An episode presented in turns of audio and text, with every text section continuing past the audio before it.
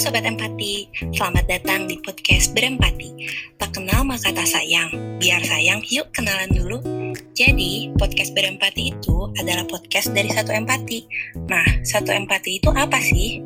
Satu Empati itu adalah salah satu portal media yang menjadi wadah untuk teman-teman curhat secara anonim loh kamu bisa curhat ke kita melalui sosial media Satu Empati, yaitu melalui DM Instagram at Satu Empati dan DM Twitter at Satu Empati underscore.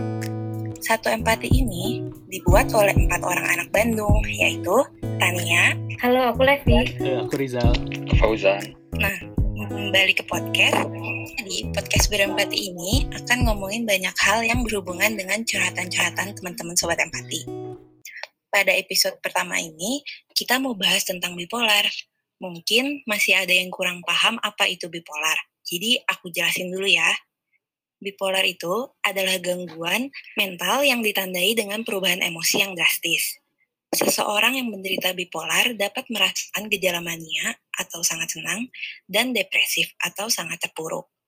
Gangguan bipolar ini umumnya ditandai dengan perubahan emosi yang drastis, seperti dari sangat bahagia menjadi sangat sedih, dari percaya diri menjadi pesimis, dari bersemangat menjadi malas beraktivitas sejak. Lalu untuk mengetahui kita mengidap bipolar atau tidak, itu harus diobservasi oleh tenaga ahli ya, bukan dengan self-diagnose.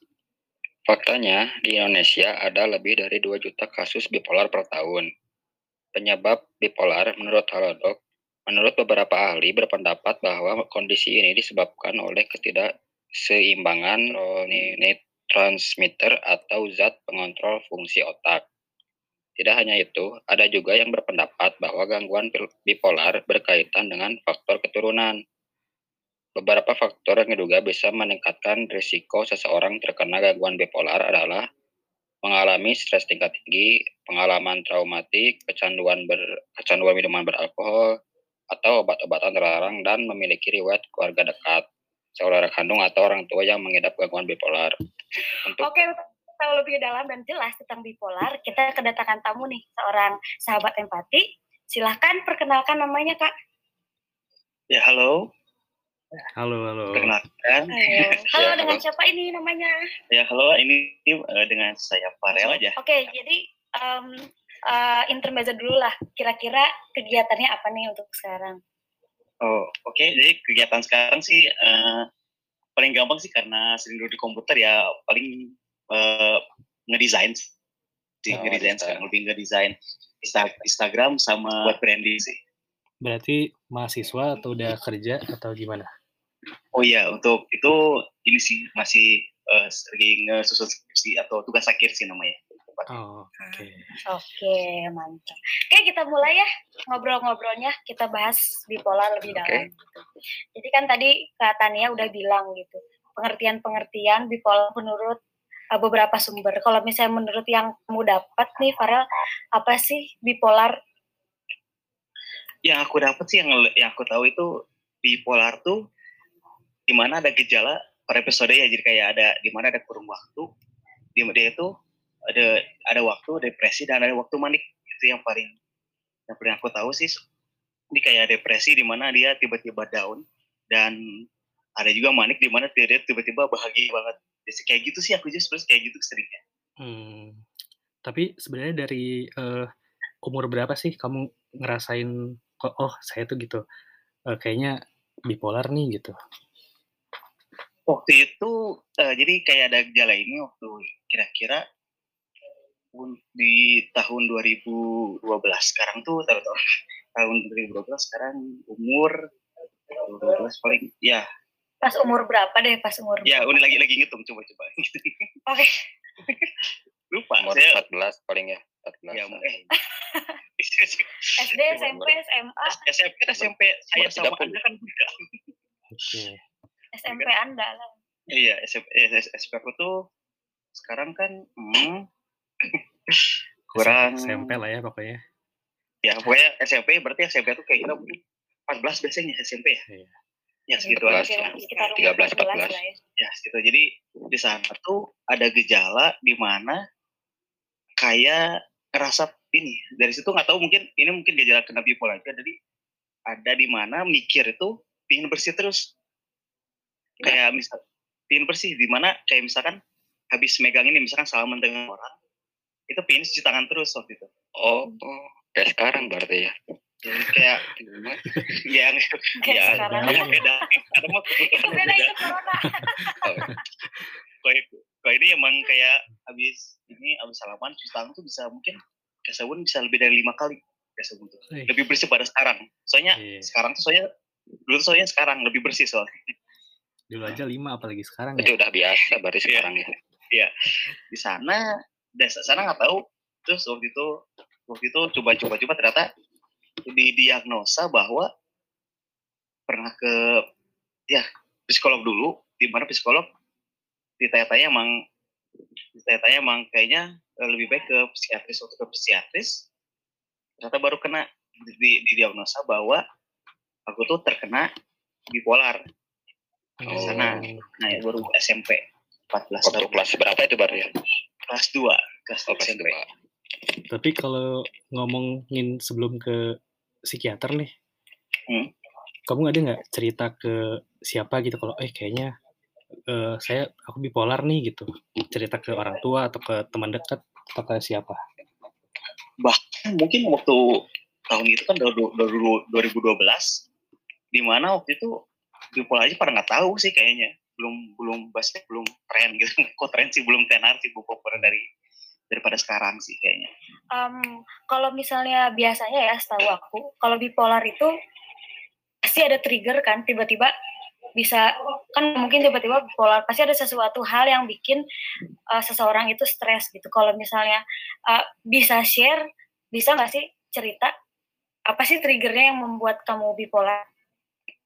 Nah ya, untuk ini untuk trigger sendiri dia tuh biasanya di mana ada masalah biasanya eh, paling sering ya paling sering itu masalah pertemanan. Kayak misalkan kayak kayak misalkan eh, eh, biasa kan biasa zaman alay dulu ya kayak nge SMS gitu masih zaman SMS dulu kan masih SMS nggak dibales itu kayak aduh ini tiba-tiba tiba-tiba overthinking apakah ini dia kenapa ya? Takut-takutnya malah marah atau misalkan wah ini ini jangan jangan jangan dianya lagi lagi ini ya sih lagi ngambek sama Misalkan orang kayak- lain gitu. ya bisa bisa gitu kayak ah juga sih udah SP ya pacaran Ke pacar gitu ya apalagi ya. Wah, Stres. gitu. ya Oke, jadi overthinking itu sebenarnya bisa bisa menjadi start sebelum bipolar ya. Jadi Kerasa overthinking gitu sih. terus stres. ya biasa gitu kayak tapi biasanya biasa tapi kadang-kadang gini eh, ada overthinking itu tuh antara karena bipolar jadi overthinking atau karena overthinking jadi bipolar nah itu belum tahu juga sih itu kan Oh, biasanya emang oke, kalau gitu. overthinking sih benar Mhm. Terus kan eh, tadi Farah cerita kalau Farah itu ke eh, psikolog dulu, terus ke psikiater. Nah itu apa sih yang membuat kamu berpikir bahwa aku membutuhkan eh, psikolog? jadi waktu waktu itu karena yang ter- terkena dampak bipolar pada itu keluarga juga karena keluarga eh, merasa ada yang aneh ini ti- tidak tidak seperti biasanya. Di sana di sana juga coba-coba kan nggak tahu nih apa apa harus ke mana waktu itu mau ke asih ke ke ustadz nanya-nanya gitu kan terus ke psikolog psikiatris di akhir-akhir ketemu psikiatris kan kalau psikolog tuh eh, setahu aku psikolog tuh dia lebih ke eh, bagaimana secara mental dia, dia ada ngasih tau cara-caranya. Kalau psikiatris tuh secara aku tuh dia tuh memberikan solusi secara obat. Pakai obat gitu solusinya. Nah di sana ternyata kebetulan dokter ini tuh tahu ada gejala bipolar. Ternyata di mana ada fase-fasenya ternyata itu bipolar dan dites dulu waktu itu. Dites ada 100 pertanyaan jawabnya iya tidak iya tidak gitu doang. Dan Mhm. ternyata terbukti kok itu ternyata bipolar gitu waktu dites tes gitu. Oke, jadi yang yang mendiagnosa itu psikiater ya? ya psikiatris ya psikiatris. Ya itu udah dikasih tahu udah bipolar tapi untuk itu tuh lupa untuk apa. Ada di mana ada pertanyaan 100 lebih itu cuma iya enggak iya enggak doang. Di mana Hmm. kalau misalkan ba- kenapa ada ada istilah lulus gitu ya? Kayaknya ada istilah lulus. Kalau misalkan kamu jujur ngisinya berarti kamu lulus. Tapi kalau misalkan isinya nggak jujur diulang lagi. Gitu aja terus Bipolar ini kan banyak banyak jenisnya kan tuh ya. Kamu kamu ngidap bipolar yang mana sih? Nah kebetulan waktu itu kayaknya aneh ya kayak ini, ini kamu ternyata kena diagnosa bipolar tapi ternyata nggak dikasih tahu kamu bipolar apa bipolar apa di sana cuman kerasa gini waktu itu uh, biasa dalam sebulan yang ngitungnya aku itu biasa ngitung dalam sebulan terjadi bipolarnya berapa kali waktu awal-awal tuh terjadi bipolar bisa uh, dalam sebulan tuh mungkin bisa tujuh kali lebih mungkin kayak gitu. Tapi udah oh jadi kamu menyadari ya? Kalau misalnya ya, bipolarnya kambuh itu tuh tapi waktu di awal nggak nggak sadar. Waktu di awal nggak sadar kebetulan. Di awal tuh ternyata udah di dilihat baru sadar sekarang. Ternyata waktu sekarang tuh waktu dulu sering banget. Seminggu tuh mungkin bisa dua dua kali seminggu. Tapi kalau sekarang dilihat tuh bisa aja sebulan nggak nggak nggak nggak kena bipolar sebulan sekarang tuh dalam sebulan nggak pernah mungkin bisa mungkin minimal satu tapi itu tidak tidak sih tidak mungkin kan bisa nol dalam sebulan? Uh, untuk ini masalah lingkungan, gimana sih seharusnya menurut kamu gitu lingkungan tuh memperlakukan seorang yang bipolar gitu entah keluarga, teman atau sahabat tuh gimana harusnya memperlakukan kamu gitu yang mengidap bipolar? Ya itu itu sih emang yang pertama memang ini sih yang harus pertama ditekankan tuh bahwa keluarga tuh harus sadar ada adanya ketidak uh, ketidaksamaan dengan yang lain. Kayak ini tuh kayak sebenarnya ada perbedaan gitu. Ada apa dengan an uh, anaknya. Misalkan kalau misalkan kita jadi orang tua ngerasa kak kalau itu anaknya kayaknya tidak ini ya sih tidak ada masalah gitu kalau di, di, di anaknya itu. Nah untuk lingkungan sendiri uh, lingkungan sendiri itu harus sebenarnya kan karena harus diedukasi ya kalau ada kalau misalkan ada penyakit bipolar. Di sana tuh kalau untuk empat harus bisa bisa ini sih namanya hmm, uh, menerima kalau misalkan ada ada orang yang seperti itu. Banyak sih kebetulan di ini di lingkungan aku tuh nggak ada ini nggak ada yang nyir nyir atau misalkan bilang oh, kamu nggak normal gitu. Nggak nggak ada yang ngomong gitu. Kebetulan jadi disupport dari lingkungan yang jadinya sekarang udah bisa mungkin gara-gara itu bisa jadi benar-benar bisa dibilang bisa nol dalam sebulan gitu pernah bisa nol gejala bipolar dalam sebulan. Tapi hmm. kalau dari kamunya sendiri ada nggak kayak suka duka menjadi bipolar? Paling pusing kan ini sih kan karena sekarang belum ini nih mau lagi nyari kerja lah bahasanya kan lagi mau lulus saya udah sebelum nyari kerja. Biasanya uh, aku tuh kalau di pressure di pressure atau misalkan uh, overthinking itu kadang suka keluar. Waktu itu juga pernah magang di mana pada magang saat itu sangat depresi sampai tidak bisa mengerjakan tidak bisa ngerjain apa apa gitu dan dan uniknya juga susah untuk menceritakan ke kepada atasan. Kayak gimana coba? nggak percaya gitu ya? Ya jadi gimana coba? gitu ya? Ya jadi benar-benar nggak usah ngerjain itu kalau misalnya naik ke atasan eh aku lagi eh, ini saya sedang sedang kerja. Ini pasti nggak akan kayak diterima nggak sih? Bakal coba kalau ditanya nih punya kamu kenapa? Uh, saya saya ini kena kena ini gitu. Tapi fisiknya apa apa fisiknya tidak apa apa pasti suruh kerja lagi gitu. biasanya hmm. gitu. Oh iya juga sih. Hmm. kalau misalnya tadi kan Fred cerita kadang-kadang bipolarnya muncul kadang-kadang bipolarnya enggak. Jadi kalau misalnya bipolarnya muncul ini apa sih yang biasanya terlihat atau orang-orang tahu nggak sih kalau kamu tuh bipolarnya muncul? Terus biasanya kalau bipolarnya muncul tuh kayak gimana sih? Uh, kok oh, jadi ini maksudnya ini ya dari dari perspektif orang lain ya? Ah, perspektif orang lain. Kalau untuk dari perspektif orang lain, uh, ini biasanya kan kalau aku sendiri udah udah udah lama ya, jadi yang dulu dulu tahu. Tapi kalau misalkan dari teman-teman, teman juga teman juga ada yang waktu itu bipolar, dia tuh biasanya tiba-tiba tiba-tiba kan biasanya marah ya. Teman ada yang tiba-tiba marah atau misalkan tiba-tiba uh, berubah gitu ya? Biasanya orang-orang tuh merasakan ada keanehan sih biasanya. Ini ini ini sini kenapa gitu? Kayak gitu kan biasanya. Biasanya gitu. Kalau buat aku sendiri karena udah bahasanya udah kerasa bipolarnya muncul biasa me, diem sendiri. Atau misalkan bilang eh eh biasanya kan eh punten nih lagi bipolar mau di kamar dulu biasa gitu udah bisa sekarang. Oh, Oke, okay. berarti oh. tadi ya eh, ada perubahan gitu dari yang tiba-tibanya senang banget, kadang ke depresi banget gitu ya. Hmm.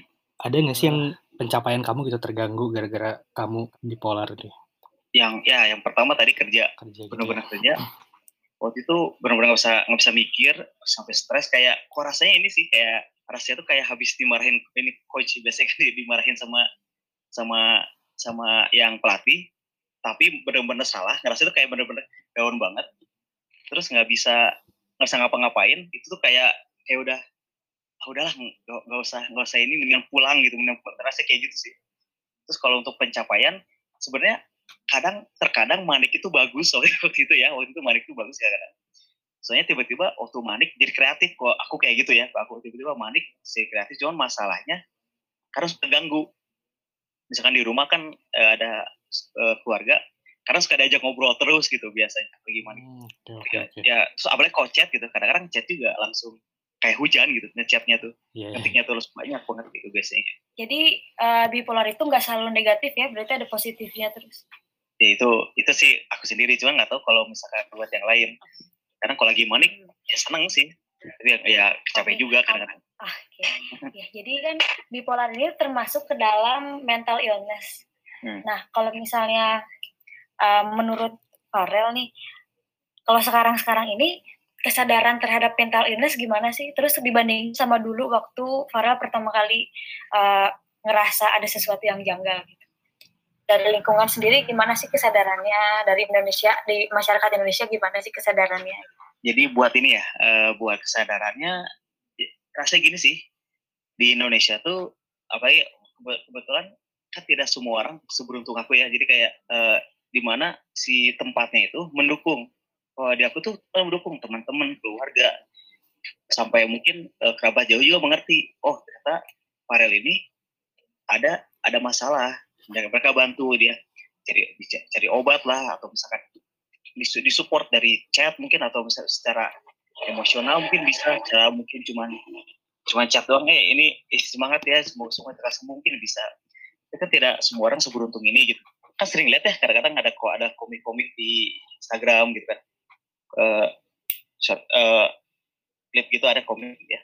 Sering lihat kalau ternyata pada zaman dahulu itu yang yang punya kelihatannya gini yang punya yang punya mental illness tuh kayak gila gitu. Kayak nggak normal. Kadang-kadang malah di dibilang kenapa sih kamu gini? Kan cuma gampang kadang-kadang gitu me- memudahkan lihat kelihatannya tapi di di mana sekarang sekarang tuh sudah mulai berubah.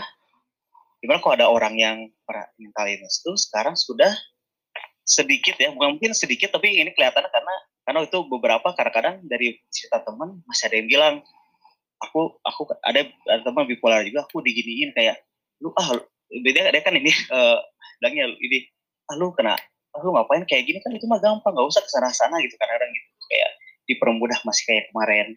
Jadi kalau misalkan untuk sekarang-sekarang sudah terlihat ada pencapaian yang meningkat di mana mental illness itu sudah menjadi menjadi suatu eh, suatu ini ya suatu di mana orang-orang itu sudah mulai paham. Ya, ya kayak gitu sih yang yang tabu lah ya berarti ya. ya tapi masih ada sih untuk yang yang mungkin yang kurang kurang mengerti masih ada gitu yang kurang mengerti. Nah, kalau Untuk tadi kan sekarang- eh, ngobrolin orang yang ngedukung nih, orang yang udah tahu gitu kalau kamu nih bipolar gitu. Tapi pernah nggak kamu ngadepin orang yang nggak tahu gitu kan pasti pernah nih ngadepin satu orang yang nggak pernah ketemu sebelumnya atau gimana terus tiba-tiba, oh ini kenapa gitu tiba-tiba kayak gini gitu. Nah kamu sendiri usahanya gimana nih buat orang yang belum tahu kamu nih sebenarnya kayak kayak apa kayak gimana gitu. ya sebenarnya gini sih kan karena dulu ini ya dulu bahasanya tuh aku tuh ini nggak nggak sosial banget loh. Jadi sebenarnya temennya nggak terlalu banyak tuh parah banget. Tetapi waktu itu pernah mungkin karena teman kuliah ada ada waktu itu sempat bipolar kan ngerasa down tiba-tiba tiba-tiba gitu terus nggak bisa ngobrol. Biasanya untuk kalau misalkan orang baru kadang diem. Atau misalkan karena waktu itu sudah bisa mengontrol ya waktu itu udah udah kayak paham lagi bipolar kayak masang muka aja dulu gitu masang muka dulu seperti biasanya. Kayak ramah atau misalnya gimana. Soalnya karena itu takutnya dia belum paham gitu. Tapi kalau misalkan mau kopin kopin jujur sih kadang-kadang begitu. "Maaf, nih, aku lagi bipolar kalau misalnya dia nggak tahu bipolar apa kasih tahu aja. Karena ngerti ya gini mood swing biasanya kayak gitu Iya. perubahan perubahan mood gitu. Jadi lebih mending disampaikan aja ya daripada dipendem gitu. biasanya gitu karena ya takutnya nggak ngerti kan gitu kayak kayak gak semua orang tahu gitu. Hmm. untuk untuk yang untuk yang beberapa orang Nah, berarti kan em, eh, ada ada beberapa cara yang kamu lakukan untuk eh, overcome teman kamu gitu. Terus tadi kan Farel juga bilang kalau misalnya Farel udah ketemu em, psikolog sama psikiater. Nah, gimana sih ceritanya dari Farel yang benar-benar didiagnosa bipolar yang bisa hampir sebulan tuh sering banget bisa sampai sekarang yang hampir sebulan itu nggak pernah gitu. Caranya gimana tuh biar bisa seberhasil ini gitu. Eh, jadi waktu itu oh ya waktu itu jadi ingat eh, waktu itu kan masih sempat ini ya masih sempat di mana sering Nah, mungkin waktu itu sebulan tuh bisa tiga kali waktu itu empat kali nah di sana ah lu ingat gak sih kayak mungkin ada yang tahu di mana ada ada ini zaman jamnya minimalis eh, movement minimalis gitu Iya, minimalism iya, iya, hidup minimalis gitu gitu. ya kayak gitu kan nah di situ tuh ternyata ada nih udah nonton awalnya ah ngapain sih? gitu kan ngurang-ngurangin barang. Tapi udah dicoba dicoba dicoba ternyata dengan caranya hidup minimalis ini apalagi kalau ini ya kalau misalkan orangnya bisa medi, med- meditasi eh, meditasi meditasi itu bener-bener pengaruh banget karena karena kan kadang-kadang movement mi- minimalism itu ada ada meditasi kan dia kadang-kadang gitu.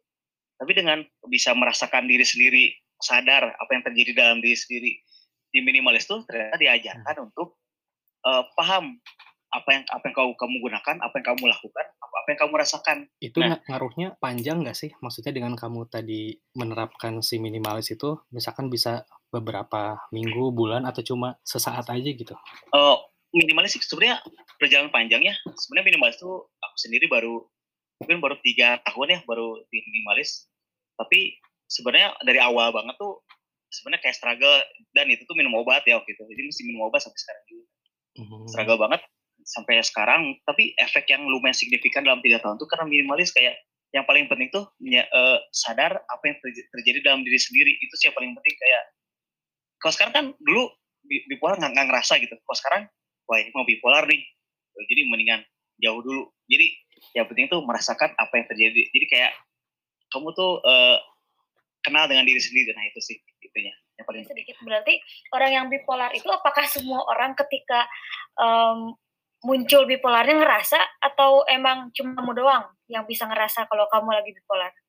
waktu itu sih pernah ada orang temen gitu ada yang tiba-tiba nggak muncul kayak bener-bener switch switch on gitu kayak cepet gitu ya dia kayak tiba berubah dia waktu udah Mhm. selesai dia nggak sadar kayak eh tadi kenapa gitu tadi kenapa aku ngomong gitu gitu kadang gitu kalau sekarang kayaknya kayak aku sendiri udah bisa ini udah bisa rasain bipolar ini ini ini yang, yang gini gitu ya kadang-kadang ngerem diri biar atau tidur nah itu biasanya nggak kayaknya nggak semua orang sih bisa maksudnya harus progres untuk bisa kenal diri sendiri itu Nah, kalau Farel kan tadi ke psikiater ya, dan didiagnosa mengidap bipolar gitu ya.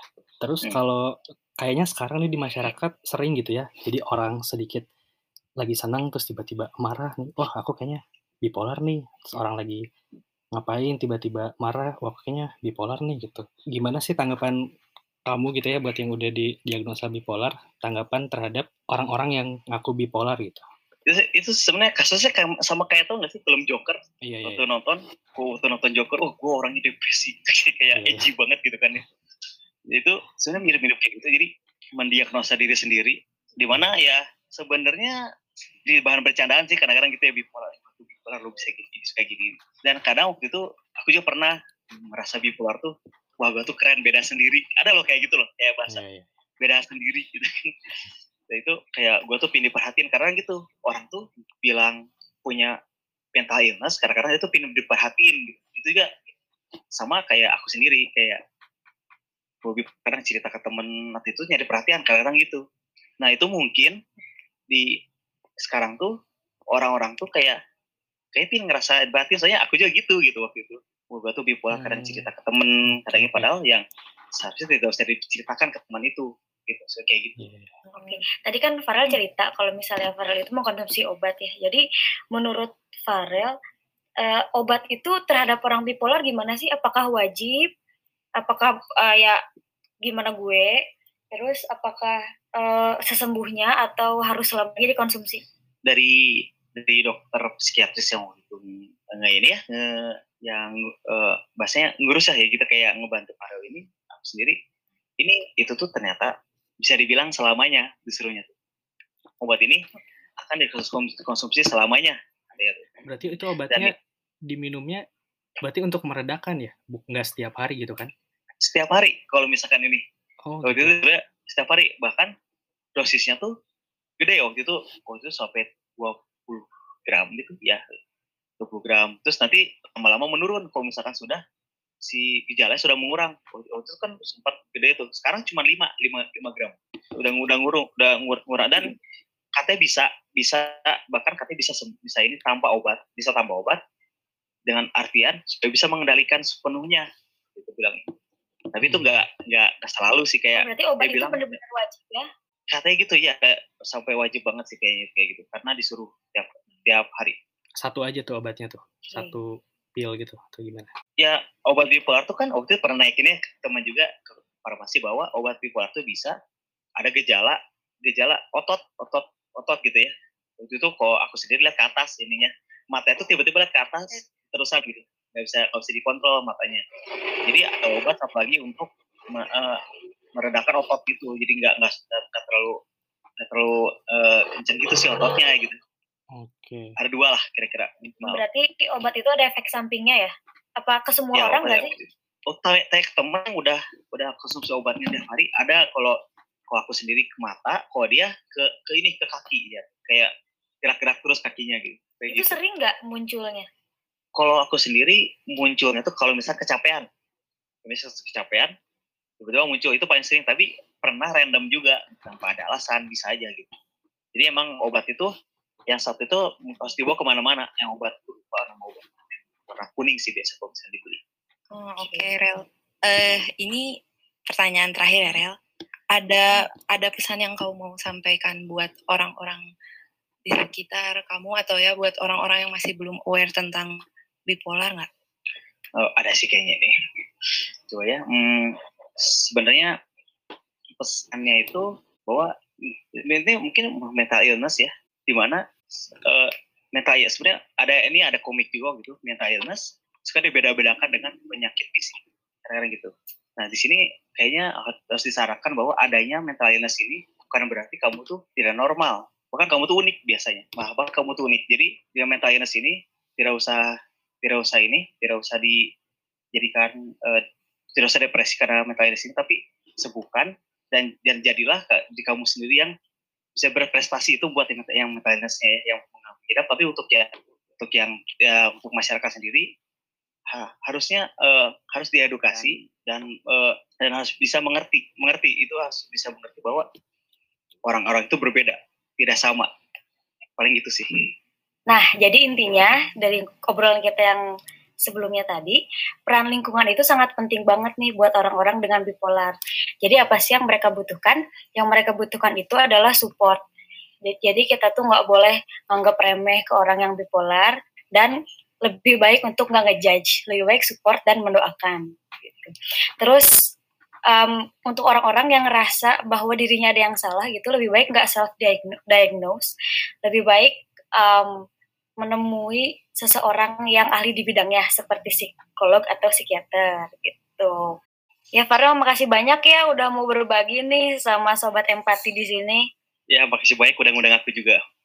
Oke, jangan nyesel ya udah digali-gali nih sama kita nih. Udah di udah ngepop-pop ya di bermanfaat bagi yang lain. Oke, mantap. Ya, sampai di sini dulu episode pertama dari podcast Berempati. Sampai ketemu di podcast Berempati di episode selanjutnya ya. Bye-bye guys. Dadah. Dadah.